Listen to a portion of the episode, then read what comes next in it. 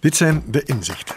In de Stadsbibliotheek De Krook in Gent ontvang ik de rector van de VUB, Vrije Universiteit Brussel. Ze is filosofe, professor communicatiewetenschappen en zwemster. Ze zwemt elke dag, vaak zelfs krachtig tegen de stroom in. Dit zijn de inzichten van Carolien Pauwels. Welkom, mevrouw de rector. Ik, ik bedacht me meteen dat eigenlijk rector geen vrouwelijke variant heeft. Nee. Rectrice. Nee, eh, nee inderdaad. Eh, het is wel zo dat de academie in Frankrijk, die nogal conservatief en terughoudend is, eh, vandaag heeft toegestaan dat er een vervrouwelijking is, bijvoorbeeld van het eh, woord acteur. En, eh, of auteur, dat zal nu zijn autrice zijn. Autrice. En dus recteur mag ook rectrice worden. Maar dus de eerste vrouwelijke rector van de ULB heeft ooit eh, mij verteld dat ik die naam niet moest aanvaarden, want dat dat eigenlijk nogal een onnozel vogeltje is in het Frans. Dus enfin, ik hou het bij mevrouw de rector dan toch wel. We gaan eh, over veel dingen praten en het ehm, ja, communicatief gezelschapsspel is als het ware dat we je inzichten ehm, gaan oplijsten waar wij ons voordeel mee kunnen doen. En de eerste is al meteen, ehm, het bijzondere zit in het alledaagse. Het bijzondere en voor mij ook het eh, schone zit in, in heel alledaagse eh, dingen. Ehm, ja, ik, ik ben nogal een aanhanger van het eh, gedicht van Paul van Ostaaien, toch al een tijdje geleden. Hè. Mark uh, Goedsmogens de dingen. Ik, ik ben zo iemand die eigenlijk nogal graag opstaat en de dag begint. Dus ik ga iedere dag zwemmen wanneer het kan. En uh, ja, dan hou ik ook van een aantal van, van die routines, maar hou ik ook zo van de eerste ademhaling buiten, zo, of het nu regent of sneeuwt of heel mooi weer is. Ik hou van die lucht. De eerste ah, ja, ademhaling. Ja, ja, ja, absoluut buiten komen, het huis buiten stappen en dan diep ademhalen en, en de lucht voelen. Zo. Dus eigenlijk ook het zintuigelijke daaraan vind ik wel heel uh, belangrijk. En voor mij is die, die schoonheid en het bijzondere in het alledaagse, um, gaat dat ook heel hard samen met de zaken die ons omringen. Dat we wel geluk mogen hebben dat ze ons omringen. Ik bedoel, ik um, ja, voel mezelf enorm geprivilegieerd.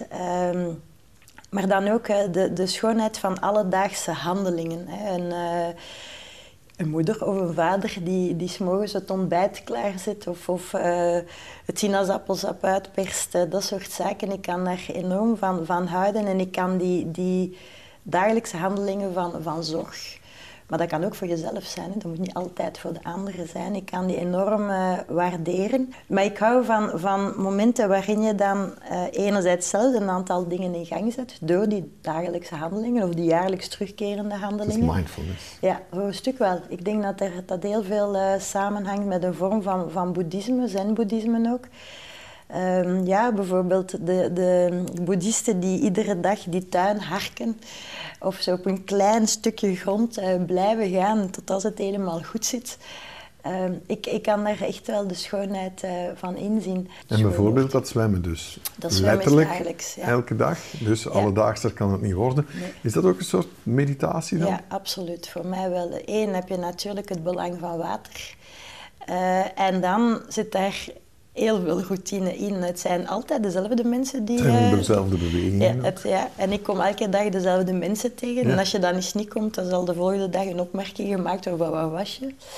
En ook daarvan hou ik. Dat is geen sociale controle. Ja. Dat is eigenlijk weer het uitspreken van, was er iets? Um, en uh, de gesprekken zijn vergelijkbaar dikwijls. Uh, het, het, uh, ik heb dat al eens ergens gezegd, maar ook daar hou ik van. ik bel ook iedere morgen mijn moeder. En het eerste was, hij vraagt al zoveel jaren lang van, en ben je gaan zwemmen? En dus het antwoord is altijd, ja, ik ben gaan zwemmen. En zij zegt dan, ik zou het niet kunnen. En zo is dat. Hè. Ja.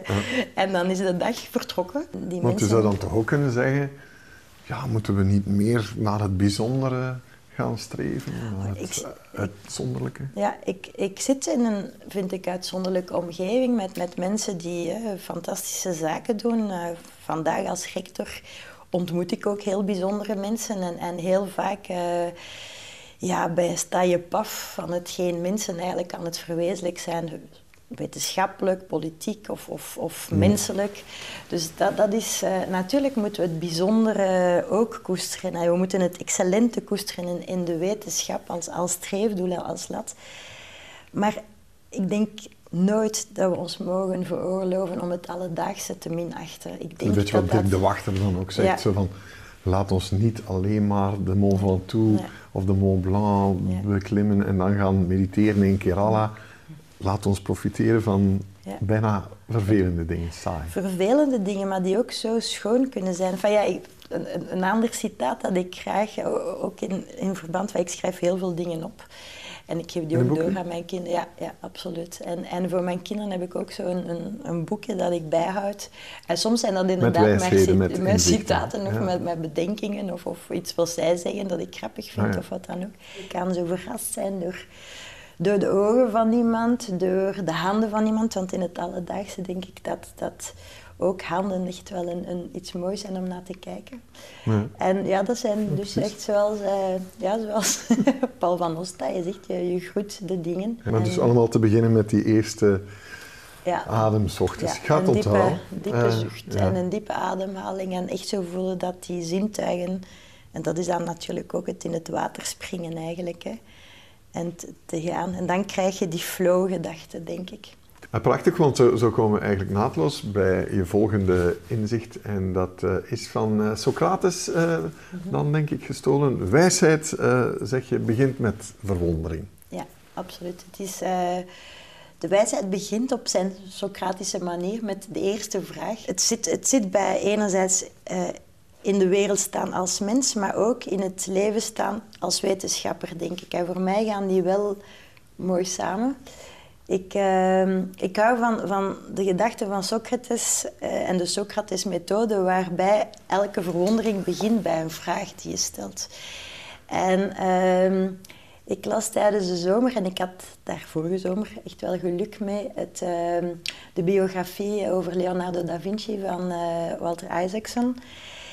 En niemand beter dan Leonardo da Vinci uh, belichaamt en verpersoonlijkt die verwondering. En ik heb daar dus ook ontzettend van genoten, omdat ik ook uh, dikwijls in het rectoraat zeg van...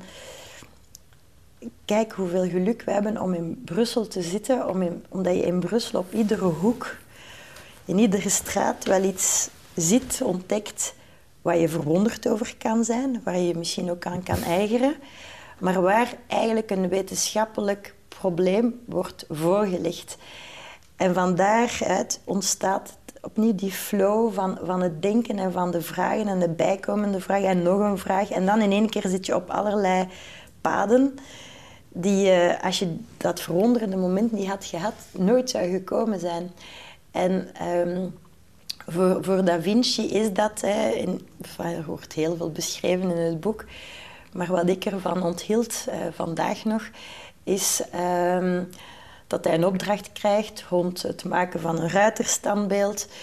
Dat hij dan zo dicht van, oké, een ruiterstandbeeld, dus moet ik mij interesseren voor paarden en hoe paarden stijgen, hoe ze galopperen enzovoort. Dus dan ga je naar de anatomie van het paard. Dan ga je paarden disseceren, maar dan ga je eigenlijk ook denken, ja, maar hoe zit dat nu met de mens? Dan ga je mensen disseceren. Uh, dan ga je je ja, maar oké, uh, eigenlijk is de stroom van het bloed ook in de beweging belangrijk. Dus ga je je interesseren voor vloeistof. Van vloeistof kom je bij water, dan ga je je interesseren voor de hydraulica. En, en zo bleef hij maar bezig. En dus dat, dat ruiterstandbeeld dat hij moest maken, zeven jaar later was dat nog altijd niet uh, opgeleverd.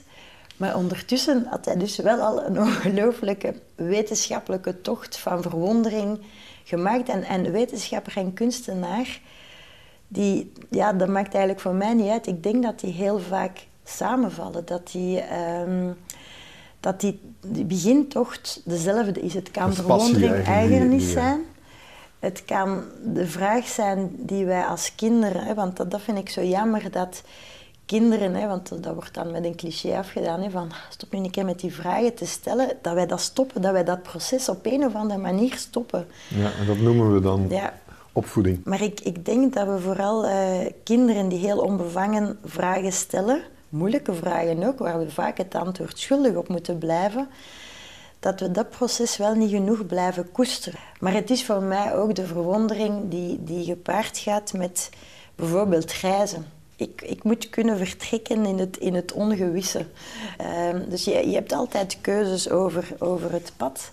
En, en ik hou van, van die gedachten eigenlijk. Mm. En, uh... Het is wel grappig dat het, uh, je brengt mij naadloos weer met, bij je derde inzicht, uh, wat gaat over, over dat pad, het levenspad waar je zegt, uh, en het is ook een, een uh, citaat min of meer, hè? Mm -hmm. je gaat je weg alleen en mm -hmm. er is eigenlijk geen champagne aan het eind. Mm -hmm. ja. Klinkt wat triest, maar... Ja, het is de weg naar vrijheid. Het is, het is een citaat van, van Camus. Hij zegt, van ja, ik weet het ook niet of het letterlijk zo gaat... Um, la course à la liberté est une course bien solitaire point de champagne à l'arrivée. Ja, zelf uh, voel ik wel dat ik, dat ik doorheen, dus het kind zijn, jeugd enzovoort, uh, dat je heel veel um, ja, opnieuw op, op, op kruispunten komt. En waar dat je eigenlijk alleen maar voor jezelf kunt beslissen in welke richting je nu gaat gaan. En dat dat soms het, het, uh, ja. hetgeen dat je geleerd hebt achterwege laten is. Maar is dat niet fijner uh, samen? Omdat je hebt natuurlijk ook een beetje letterlijke, mag dat zeggen, een eenzame tocht mhm. gedaan. Je hebt twee kinderen mhm. zelf mhm. opgevoed, zonder partner bijvoorbeeld. Is het dan toch niet ja, leuker met bijvoorbeeld letterlijk een compagnon de route? Ja, ik, ik heb de indruk dat je op die, die tocht vele compagnons hebt eigenlijk. En dat er niet één iemand is die jou on track houdt. Um, mijn zoon, en, en dat vind ik ook zo fijn, dat je in, in je kinderen ook wel dingen ontdekt. En opnieuw ook voor hem zal het die tocht naar, naar vrijheid zijn. En ik voel ook dat hij die aan het afleggen is, hè, want hij, hij is ook van België weggegaan. En, en nu wil hij terugkomen naar Europa en, en dat soort zaken. Maar ik, ik vind dat mooi. Waar zit hij precies? Hij zit in Canada. Dus hij zit ook in, de, in het wijdse Canada. Hij heeft ook die, die natuur nodig. Dus hij heeft ook, ook omdat mijn dochter zit ook ah, eh, in het buitenland, die zit in Japan. Die zit in Japan? Ja, ah, dus uh, East, en, East en West. Yin en Yang, dat is ook een manier om balans te houden. Ik denk dat je een, een, soms een, een, grote eenzaamheid nodig hebt om te begrijpen wat soms de drijfveren van anderen zijn. Je, je kan dat niet altijd in, in dialoog doen, denk ik. Of alleen in die dialoog met jezelf. Uh, maar natuurlijk geloof ik enorm in wat, wat mensen samen kunnen verwezenlijken. Uh, daarom denk ik ook dat ik uh, rector ben geworden in, in, in het idee van een rector maakt niet uit alleen wanneer hij of zij omringd is en dat je een bepaald project een stukje kan uitzetten. Want ook dat is natuurlijk een tijdelijkheid. Ja. Bedoel, je, je stippelt een pad uit, maar op een gegeven moment is het ook dan goed dat de democratie werkt. En dat opnieuw het pad weer een beetje anders uh, gelegd wordt door mm. de volgende. Dus ik, ik geloof uh, enorm in, in de kracht van, van beide. Ik denk om sociaal te zijn moet je ook soms heel hard alleen met jezelf te kunnen zijn. Ja. Dat, dat denk maar was toch ook een, een koers solitair om ja. aan ja, de academische top mm. te geraken, terwijl je dus ook ja, twee kinderen alleen moet opvoeden. Is het een harde, wat eenzame uh, weg geweest soms? Ja, maar ik heb mij op die weg nooit echt alleen gevoeld. Er zijn wel momenten dat je zo met je handen in het haar zit, omdat je je afvraagt hoe je ook weer die dagelijksheid kunt organiseren. Maar er zijn altijd, ik vond dat er altijd oplossingen along the way waren. En um, ja, dus soms komt dat uit onverwachte hoek ook. Hè. Die oplossingen komen uit onverwachte hoek. Is het, is het, was het een, een, een moeilijke tocht? Want je zegt met champagne à l'arrivée. Ja, en ik drink graag champagne ook nog. dus, dus, à l'arrivée misschien niet, maar along the way is nog wel champagne. ik denk dat dat wel... Uh, van, ja, daar heb ik alleszins over gewaakt, dat er uh, af en toe een... een, een ja, een, ik denk wel dat je eh, de route um, eigenlijk bepaald met een aantal feestmomenten. Omdat je soms, als je voelt dat je van iets losgerukt raakt, um, dat kan een vooroordeel zijn, um, dan, dan voel je dat wel als een enorme bevrijding. als je, omdat je nu zo vraagt ook over vrouwen. Ik dacht niet dat ik zo hard op, uh, nooit gedacht, dat ik op die niet op die barricades van het feminisme zou gaan staan, omdat ik dat ook niet op die manier heb meegekregen. Ik, heb, ik ben heel hard vanuit een, een gevoel van, van gelijkwaardigheid opgegroeid, maar waar, waar, ik nu ben, zie ik wel dat dat niet altijd zo is. Ja, en zie ik aan die, aan die top, zie ik uh, inderdaad, zie ik niet altijd die, die uh, gelijkwaardigheid in de feiten uh, gebeuren. En dan zeg ik toch, we zijn 2019, we zijn België, we zijn Vlaanderen, dus het zou beter kunnen zijn. Maar als je dan tot dat inzicht komt en zegt van oké, dan weet je wel weer waarvoor je eh, voor een stukje een, een, een, gevecht zult leveren. En als er dan een aantal zaken daarin verbeterd zullen geraken, dan ja, ga ik dat voelen als een, een vorm van, van bevrijding. Wat mijn eigen leven betreft was het zo dat de kinderen wel altijd heel hard omringd uh, werden.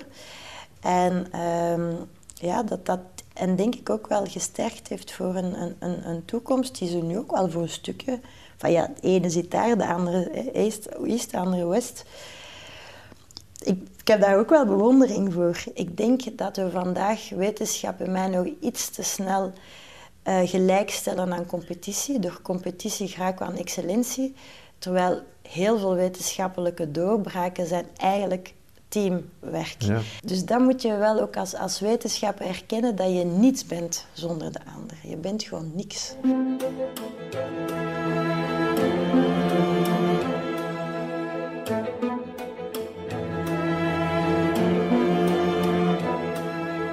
Samenwerking, maar ook uh, tegenkanting is al even belangrijk. Dat, dat brengt uh, ons op nog een van jouw uh, stokpaardjes eigenlijk. Hè, waar je mhm. zegt, um, en het is ook een parafrase, denk ik. hè? Mhm. De, de mening van de andere waar je het niet mhm. mee eens bent, dat is wat je tot mens maakt. Ja, het doet ertoe. Um, ja, het is een, een, een, dat is iets dat ik al een hele tijd doe. Het is het gewicht voor de vrijheid van meningsuiting. En um, ik organiseer, en dit jaar is het de vijfde keer, het is dus een jubileumeditie, onze eerste jubileumeditie. En een dag rond de vrijheid van meningsuiting. En die heet Difference Day. En, en Difference Day heeft ook een, een, tagline, want het is moeilijk om het uit te leggen. En het klinkt ook eigenlijk niet altijd uh, aantrekkelijk of zo. Wel, Difference maar, Day uh, het is um, Speak Freely, dat kunnen wij hier in België al zeker doen. Listen respectfully, daar komt het weer op jou aan. Dat is niet altijd zo simpel. Vooral niet naar die mening die je eigenlijk echt niet oké vindt of naar die persoon die je echt niet kan uitstaan. En dan different opinions matter. En ja, dat is denk ik ook heel normaal dat ik als, als, als mens en ook weer als wetenschapper heel sterk vertrouw op het belang van de botsing van, van ideeën.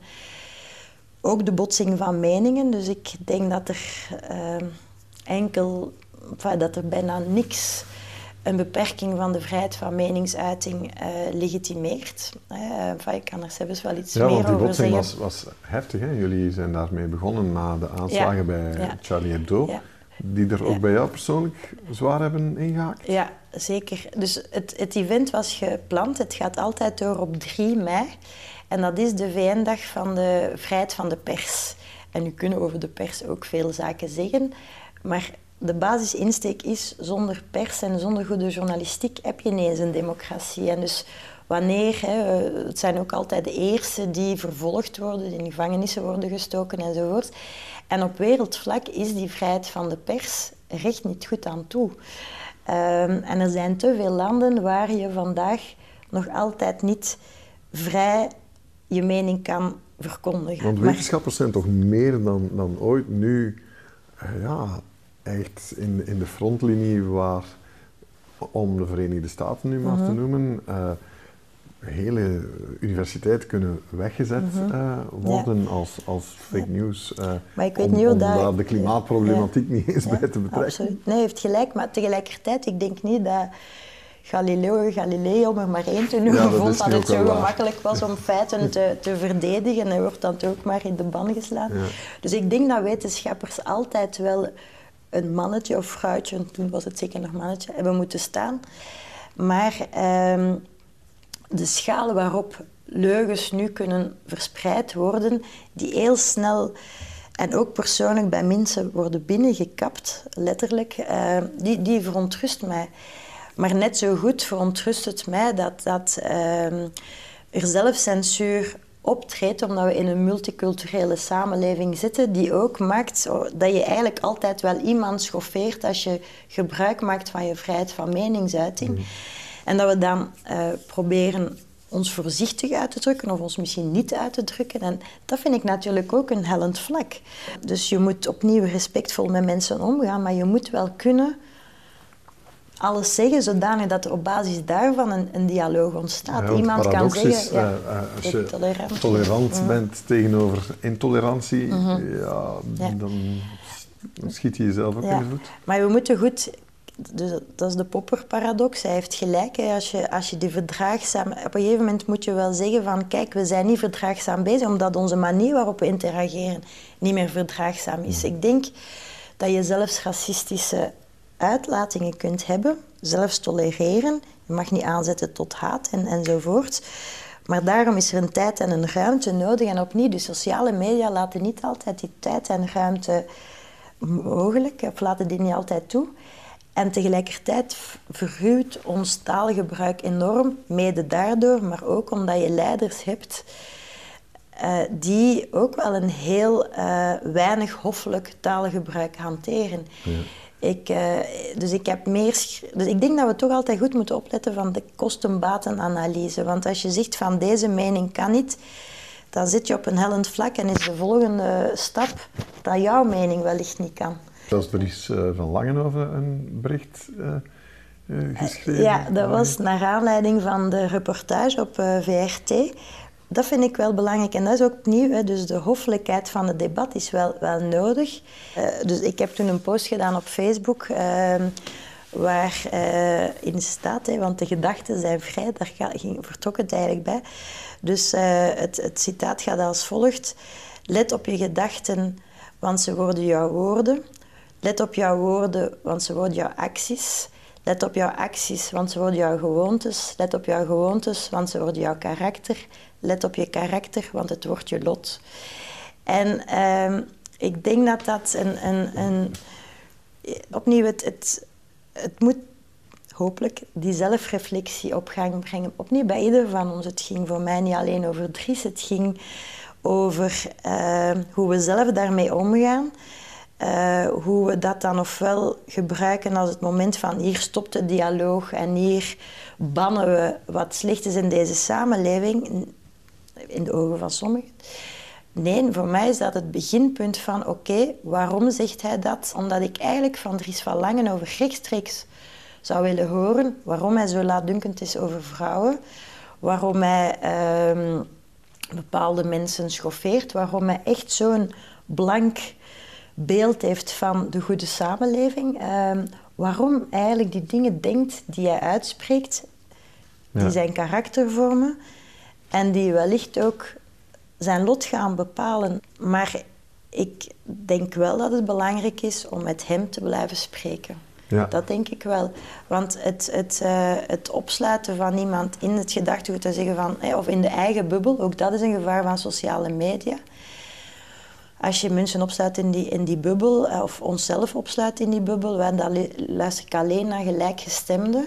Dus af en toe doe ik een oefening om alle uh, beledigingen die ik krijg echt een keer door te nemen. Ja, absoluut. Ja. Maar er is één inzicht wat toch moet blijven, en dat is je volgende. Uh, we kunnen ons geen onverschilligheid veroorloven. Nee, dat, uh, nee, dat denk ik niet.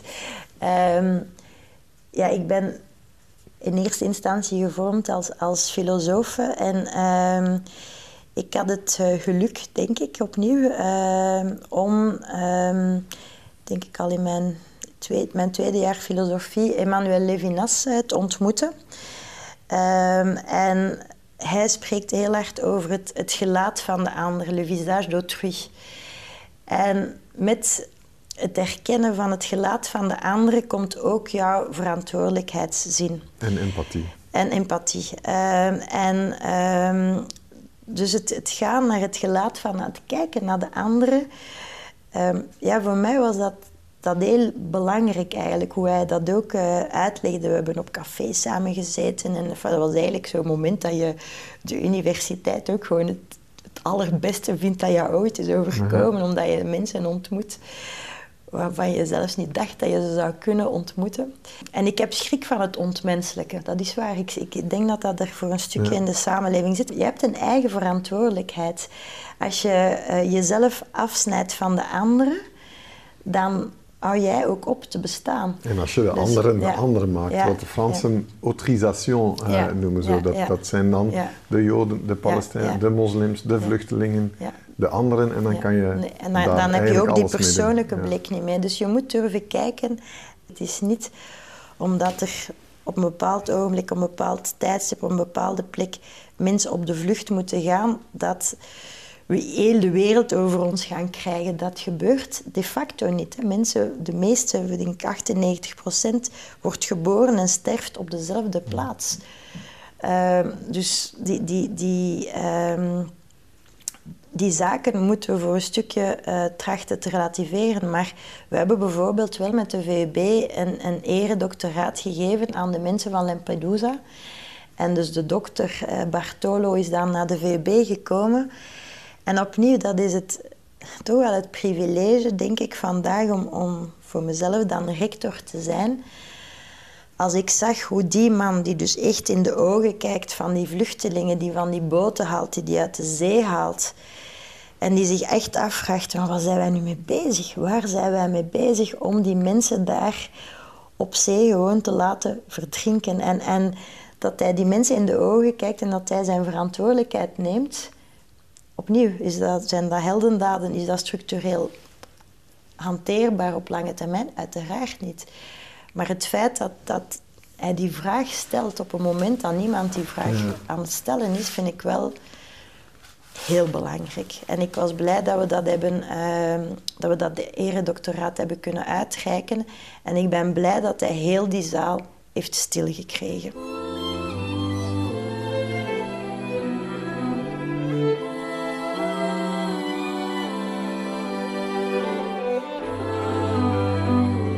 Je, volgende inzicht. Hè? Mhm. Eh, niet alles wat mogelijk is, is ook uh, wenselijk uh, technologisch. Ja, niet alles wat technologisch mogelijk is, is sociaal wenselijk, economisch haalbaar, juridisch toelaatbaar en ethisch verantwoord. Um, en zijn we daar te weinig mee bezig? Omdat ja, je hebt een universiteit waar in al die verschillende takken men opwindende dingen zit uit te mhm. denken of, of te maken maar waar niet altijd aan de ethische dimensie gedacht mm. wordt. Wel ja, ik denk dat, dat die, de, de mens is, zoals Harari zegt, een, een homo deus geworden. We zijn dat eigenlijk al een tijdje. Hè? Ik bedoel, uh, technologie vermag ontzettend belangrijke dingen. En als je kijkt naar het onderzoek dat we doen op, op kankeronderzoek, op, op, uh, op artificiële intelligentie, op klimaat, dan zie je tot welke oplossingen de wetenschap in staat is. Of dat dat vandaag niet is, dan is het zeker morgen. En dus in dat opzicht uh, koester ik die wetenschap. Ehm, maar een wetenschapper moet ook durven het debat aan te gaan met de maatschappij. Je, kan, je, je moet dat zelf ook doen. Je mag je niet laten leiden enkel, alleen, enkel en alleen door die nieuwsgierigheid. Hè. Bedoel, dat is belangrijk, dat is die verwondering. Sommigen hè, zeggen dan ook, er is onderzoek daarvoor, dus ik ga all the way. Dus geld mag ook niet uh, alles bepalend zijn in, in het onderzoek dat je doet. Maar vermits we in staat zijn tot technologie die onze fysieke en intellectuele capaciteiten mogelijk heel ver overstijgt, moet je daar wel heel snel het debat en dringend, en dat is het boek van Harari, hij vraagt dat debat. En ik denk dat velen daartoe bereid zijn om dat debat uh, te, gaan, te gaan voeren. En, um, precies, want, want, bij artificial intelligence, uh, bon, waar computers al snel is, zeven keer sneller mm en slimmer zullen denken mm dan, dan, wij, um, heb ik jou toch al uh, lezen schrijven mm van, goh, zoveel zorgen mhm. hoeven we ons ook niet te maken. en ik dacht dan altijd vaak zo, goh, is het niet handiger om toch al iets mhm. voorzichtiger of mhm. iets banger te zijn?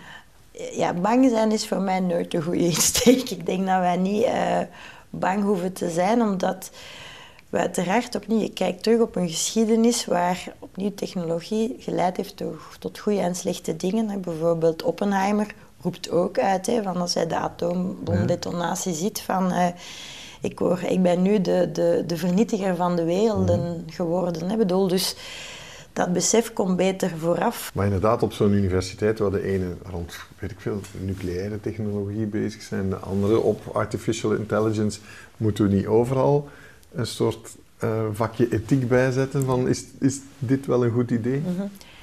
Ja, mijn antwoord daarop is ja. Ik, ik denk wel niet dat je kan onderschatten dat er al heel veel uh, in die zin wordt gedaan. Gebeurt ook voor dat? Want is, is het niet eh, te vaak zo van, is het een goed idee? Ja, uh, naar de markt wel. en, en dat we toch mm. te veel, zelfs op universiteiten, naar winst kijken. Mm-hmm. Dan wel het mm-hmm. winst voor, voor, voor, de mensheid? Ja, van ja één, de insteek althans, uh, dat probeer ik zelf toch als rector te bewerkstelligen, is dat wij wetenschap gebruiken voor een betere wereld, een, mooiere wereld. En dan tegelijkertijd ook um, de idee van um, ja, de, de, collectieve verantwoordelijkheid waarvoor uh, wetenschappers um, ja, geplaatst moeten worden. Want uh, with great power, en dat is wel, wetenschap is great power, comes great responsibility. En dat doe je door het gesprek te veruitwendigen. Dat doe je ook door wetenschapspopularisering. Vandaar op, ik ben daar een heel sterke voorstander van. Dat het niet alleen het debat wordt overgelaten aan de wetenschappers, maar ook aan, aan, aan, aan u en ik. Ik bedoel, aan, aan wij als, als moeder, als, uh, als vrouw, als man, als vader. Want ook de mens is best tot heel wat in staat. Dat zijn dingen die je niet teruggedraaid krijgt. Hè? Uh, artificial intelligence op het moment dat zij ons, weet ik veel, met robotten mm-hmm. eh, tot slaaf zullen gemaakt hebben of zo, dan, ja, dan kunnen we meer terug. Dus je moet het op voorhand wel een beetje zitten inschatten. En wie kan de toekomst perfect op voorhand inschatten. Ik denk dat je de wetenschap niet mag stoppen. Dat denk ik dat dat een... Maar wij kunnen wel blijven werken op hetgeen wij wel kunnen. Dat is ons ethisch bewustzijn. Bijvoorbeeld, we hebben heel veel uh, robot-assisted therapy. Bijvoorbeeld voor kinderen met autisme is dat een heel goede manier om een, eigenlijk een, een soort van uh, reacties uh, te doen... Ehm, ja, genereren, bij wijze van, dat wordt niet geïnduceerd, maar zodanig dat, dat er dus eigenlijk uit een bepaald kokon waarin ze opgesloten zitten, toch daar eh, uit kunnen geraken. die robot kan ons tot slaaf maken. Die robot inderdaad laat de, de dochter van Rob van Oudenhoven, die hij eerder uh, of te weinig gezien heeft op ooghoogte, dankzij het gebruik van exoskeletons, dat zijn wel robotgestuurde uh, skeletten die ziet hij in één keer zijn dochter op oog, ah, ooghoogte. Dat is ook een hele mooie gedachte. Dus wetenschap kan zo'n schone dingen doen en kan inderdaad die lelijke dingen doen, maar laat ons vooral het gesprek aan de gang houden, zodanig dat we naar die schoonheid van de wetenschap gaan en hetgeen dat doet voor een, een betere wereld, voor een betere mensheid. Ik zou de wetenschappers daar niet in, in um, onderschatten. onderschatten. Um, en zo komen we bij, bij ondertussen ja, jouw laatste inzicht. En het gaat een beetje over optimisme, pessimisme. Je mhm. zegt, uh, combineer het pessimisme van uh, het intellect met het optimisme van de wil. Ja, dat is een uitspraak van Gramsci. Uh, die trouwens ook in de gevangenis heeft gezeten, dus wel wist waarover hij sprak. Uh, dat is enerzijds met wetenschap, maar opnieuw als mens. Twee vallen samen voor mij. Uh, toch wel uitkomen bij possibilisme. He, enerzijds moet het intellect scherp staan en moet je uh, de feiten scherp durven zien, ook wanneer ze manifest uh, een, een, een, doembeeld voor ogen houden. Bijvoorbeeld klimaat. Dus de wetenschap is daar eigenlijk wel heel duidelijk over en, en daar moeten we dus niet ehm, meer zomaar over gaan. We moeten die feiten erkennen en we moeten navenant kunnen handelen. En dat is dan het uh, optimisme van de wil. Wij, de mens kan zaken veranderen. Dat is het, dat is het possibilisme. En ja, maar mag ik daar... Een van de verstandigste vrouwen die ik heb ontmoet na uh, ja, of net voor jou, was Greta Thunberg, mhm. die op haar 15 zegt: Ja, hoop is iets heel gevaarlijk. Want als mhm. we zeggen: oh, we hopen met mhm. optimisme dat we dit wel oplossen, ja, je ziet waar het ons heeft gebracht. Mhm. We moeten niet hopen, zegt ze, we moeten doen. En mhm. uit het mhm. doen zal de hoop, zal het optimisme komen. Dat is de doos van Pandora. Hè? Bedoel, dat is het, het wachten op Godot. Hè? Dat is het hopen. Dat is op iemand die nooit gaat komen. Dus daar ben ik het ook uh, heel erg uh, mee eens. Maar um, ik begrijp uh, Greta Thunberg die denkt van ja, er is al zoveel lippendienst bewezen aan deze zaak, maar ik denk niet dat iemand al heeft uitgesproken van we hopen dat het beter zal gaan. Enfin, ik, zij heeft dat misschien al gehoord, maar ik heb dat zelf nog niet in, in, in die mate gehoord. Ik heb wel veel mensen horen zeggen van oh, we vinden er wel iets op. De wetenschap is tot veel in staat. Ja, dat, ja, de, ja, de wetenschap opnieuw, ik zal niet ontkennen dat die uh, niet tot veel in staat is. En, en opnieuw, de wetenschap geeft die, uh, uh, reikt die middelen aan. Ehm, maar ik, ik vind het niet goed om ons in, in functie van we hopen dat het morgen beter wordt. Dat denk ik niet dat, je, dat je het op die manier moet benaderen. Dat is voor mij geen possibilisme. possibilisme is we hebben de mogelijkheid om het beter en anders te doen. Dat is niet, we, ik hoop dat we het beter en anders gaan doen. We hebben de mogelijkheid om het beter en anders te doen. En opnieuw, de geschiedenis heeft al aangetoond dat we dat kunnen. We kunnen, ik bedoel, het zijn mensen, bij wijze van spreken, nu trek ik het eventjes weg van wetenschap. Het zijn mensen die een oorlog beginnen. Het zijn tot nader oorlog nog altijd mensen die een oorlog beëindigen. En daar kunnen allerlei redenen om bestaan, maar we zijn daar wel toe in staat. We moeten niet hopen dat een oorlog eindigt, we moeten dat ook effectief doen. Dus daar uh, verbind ik mij met daar, haar dingen. Het, dat is ook zo, hè. dat is de doos van Pandora waar men zegt de hoop is in de doos blijven steken en zo trekt de mensheid de, de grootste nederlagen over zich heen, hè, omdat, wij, omdat de hoop in de doos is blijven steken. Ja, er zijn er wel een paar. Bijvoorbeeld, ja, jouw doctoraat ging rond mhm. Europa. Mm -hmm, hoe, hoe is het ermee gesteld uh, volgens jou? Ja, Europa opnieuw is, is een, een, een possibilistisch uh, project. Het is zo opgezet hè, als een soort van mensen die iets. Ehm, Macron komt zeker met een pro-Europa verhaal. Ehm, we kunnen daar van alles over zeggen. Maar ik heb wel te lang vastgesteld dat niemand meer Europa verdedigt en dus ook niet teruggaat naar de redenen waarom we Europa hebben opgericht. Om geen oorlog en meer te hebben. Ja, om geen oorlog meer te hebben, maar niet enkel en alleen om een economisch project neer te zetten.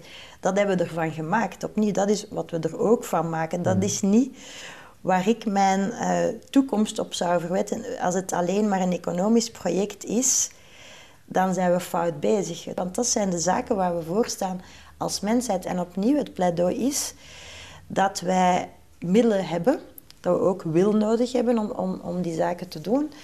Dat we intellect, reden, wetenschap en hopelijk ook een flinke dosis humanisme uh, blijven hanteren om uh, die middelen die ons ter beschikking staan en, en exponentieel blijven gaan, dat we die gaan aanwenden voor een humanistisch ideaal. Dat, dat zou wel de insteek moeten zijn, hoop ik. Ja, maar possibilisme, ik vind het wel een mooie gedachte, ergens dus tussen... Mhm optimisme en pessimisme. Maar ja, waar sta je met een multiculturele maatschappij die toch ook niet al echt zo succesvol blijkt te zijn in een smeltkroes als, als Brussel bijvoorbeeld. Jij staat daar dagelijks op de barricade, maar ook mhm. daar uh, redt dat possibilisme ja, genoeg? Als studenten mij vragen, ben je nu optimistisch of pessimistisch bijvoorbeeld over die multiculturele samenleving, dan zeg ik, als ik kijk naar de staat van de wereld met een aantal leiders die we vandaag hebben, met de conflicten die er her en der bestaan, dan kan je heel pessimistisch worden. Het is wat Theo Maas zegt, hè? een optimist is een slecht geïnformeerde pessimist. Ja, wellicht. Maar als ik dan naar onze aulas kijk, vandaag aan de VUB, en ik vergelijk die ook met de aulas waar ik voor stond in het begin van mijn loopbaan, dan één zie ik dat mensen vandaag al meer naast elkaar zitten, waar je vroeger groepjes had. Want de aulas zijn vrij snel aan de VUB geïnternationaliseerd, omwille mhm. ook van die, die smeltkroes Brussel. Maar groepjes zaten apart, mensen zitten al veel meer samen. Meer en meer studeren mensen ook van verschillende nationaliteiten af, ook omdat wij in een, een multiculturele samenleving zitten met, zowel, met ook veel sociale ongelijkheid. Maar je ziet dat ook wel gebeuren. Staan we al ver genoeg? Nee. Dat possibilisme moet je blijven hanteren, omdat als je daar niet meer in vertrouwt, ja, dan kunnen we hier best de, de boel maar opdoeken. Hè. Bedoel, dat is niet, het perspectief waar ik voor wil staan. Voilà. Ik vond het mooi om uh, possibilistisch te mogen uh, zijn uh, met jou. Te beginnen met één adem nemen s ochtends en eindigen bij de utopie. Dus ja, hartelijk bedankt voor ook mooie mij een fijn gesprek. Dank u. Tot volgende keer.